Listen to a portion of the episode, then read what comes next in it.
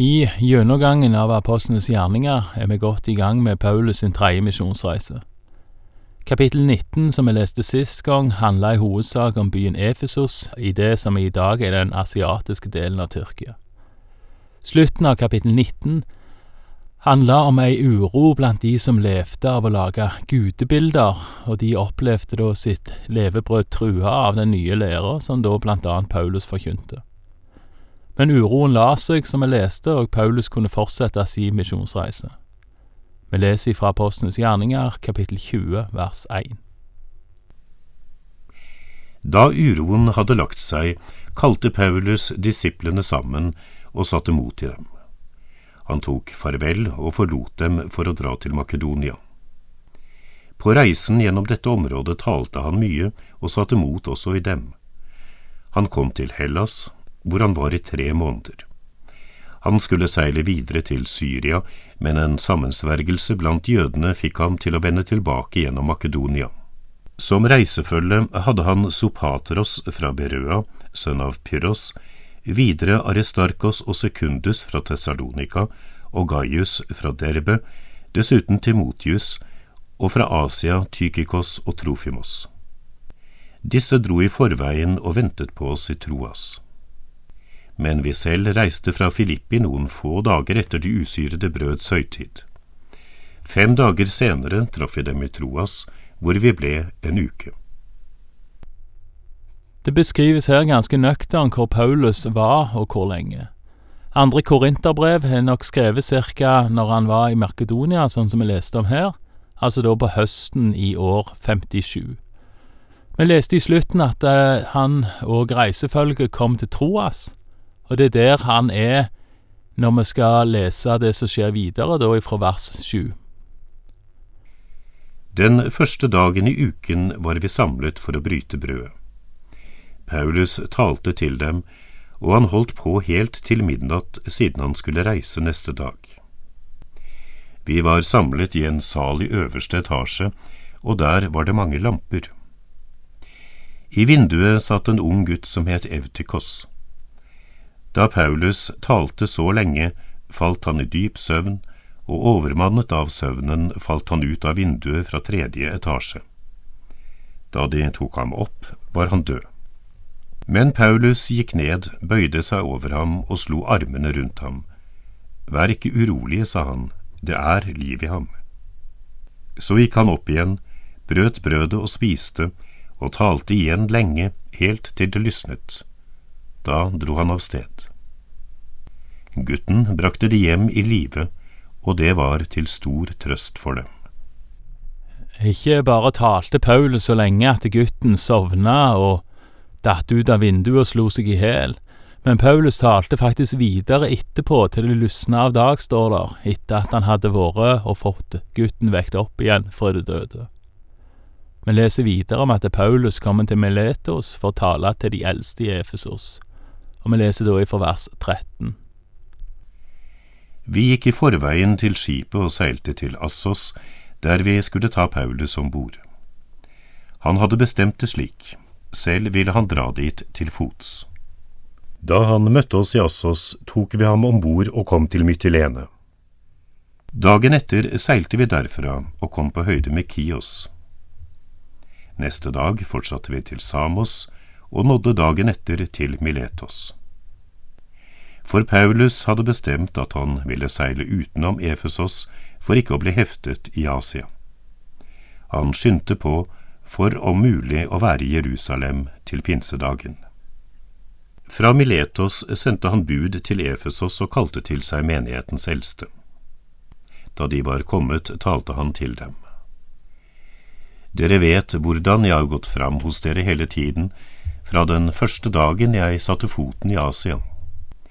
Jeg har tjent Herren i all ydmykhet og med tårer i alle de prøvelsene jødene har ført over meg med sine onde planer. Dere vet at jeg ikke har holdt noe tilbake som kunne gagne dere, men jeg har forkynt for dere og undervist dere både offentlig og i hjemmene. Jeg har vitnet for både jøder og grekere om omvendelsen til Gud og troen på vår Herre Jesus. Og nå drar jeg til Jerusalem bundet av Ånden. Hva som skal møte meg der, vet jeg ikke. Men Den hellige ånd vitner for meg i by etter by og varsler om lenker og forfølgelser som venter meg. Men for meg er ikke liv eller død verdt å snakke om, bare jeg kan fullføre løpet og den tjenesten jeg fikk av Herren Jesus, og vitne om evangeliet om Guds nåde. Og nå vet jeg at alle dere, som jeg har levd blant og forkynt riket for, aldri mer skal se ansiktet mitt. Derfor erklærer jeg for dere på denne dag at jeg er uten skyld om noen forspiller sitt liv. For jeg har på ingen måte unnlatt å forkynne hele Guds plan og vilje. Det kan virke noe rart at Paulus her forteller at han ikke vil treffe dem igjen noen gang. Men Paulus forteller at han via Den hellige ånd i by etter by har opplevd at det vitnes om lenker og død når han kommer til Jerusalem. Han opplever seg likevel bonden av Den hellige ånd til å gå til nettopp Jerusalem. Det er videre helt klart noe å lære av det Paulus sier her, og da tenker jeg etter at han sier han vil opp til Jerusalem.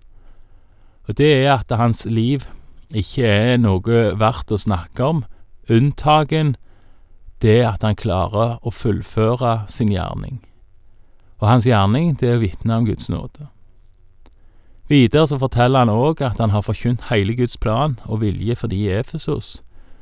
Så dersom de forspiller sitt liv, altså som da vel må bety her at de ikke følger Guds vilje, så er det altså ikke Paulus' skyld, mener Paulus. Vi leser videre fra vers 28. Ta vare på dere selv og på hele den flokken som Den hellige ånd har satt dere til å være tilsynsmenn for. Vær hyrder for Guds menighet som han vant ved sitt eget blod. For jeg vet at når jeg har dratt bort, vil glupske ulver trenge inn blant dere, og de skåner ikke flokken. Ja, blant deres egne skal det stå fram menn som farer med falsk lære for å få dratt disiplene med seg. Våg derfor, og husk på at jeg natt og dag i tre år aldri holdt opp med å rettlede hver eneste en av dere med tårer. Det vil alltid være en fare for at det Paulus kaller for glupske ulver, trenger seg inn blant Guds folk. Det kan være vanskelig å avgjøre hvem som er ulv i fåreklær, og hvem som bare er får, eller da sau, for å være i bildet. Det jeg mener er, det er viktig og riktig å være hyrde for Guds menighet, og det er òg viktig å forsøke å finne ut hvem som er en eventuell ulv. Men falske anklager mot noen om at de skal være ulv uten at de er det, det kan skape veldig mye skade.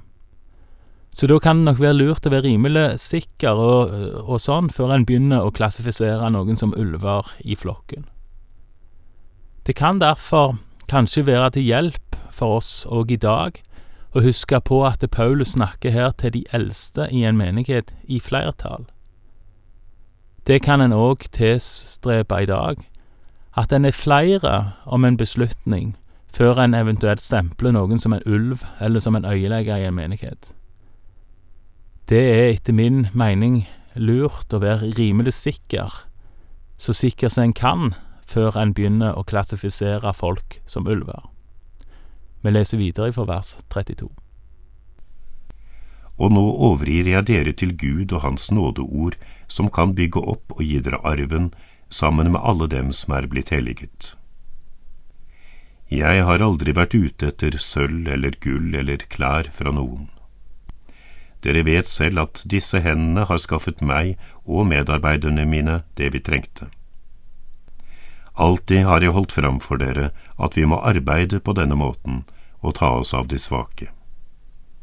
Husk de ordene Herren Jesus selv sa, det er saligere å gi enn å få. Da han hadde sagt dette, falt han på kne sammen med dem alle og ba. De brast alle i gråt og falt Paulus om halsen og kysset ham. Det som ga dem mest sorg, var det han sa om at de aldri skulle se ham igjen. Så fulgte de ham til skipet.